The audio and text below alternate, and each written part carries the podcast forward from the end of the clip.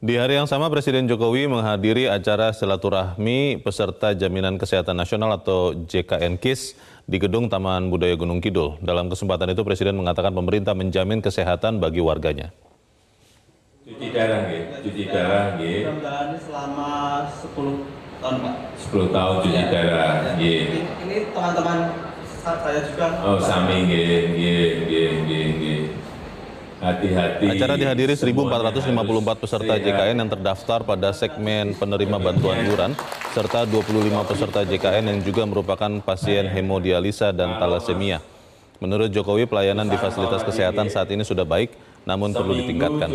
Presiden turut mengapresiasi program JKN yang telah menjamin masyarakat. Ia menekankan bahwa tugas negara adalah memberikan jaminan kesehatan untuk masyarakat agar menjadikan Indonesia semakin maju. Bayangkan seminggu dua kali.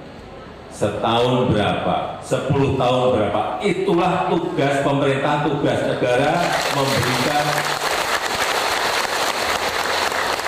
jaminan kepada rakyatnya yang sakit.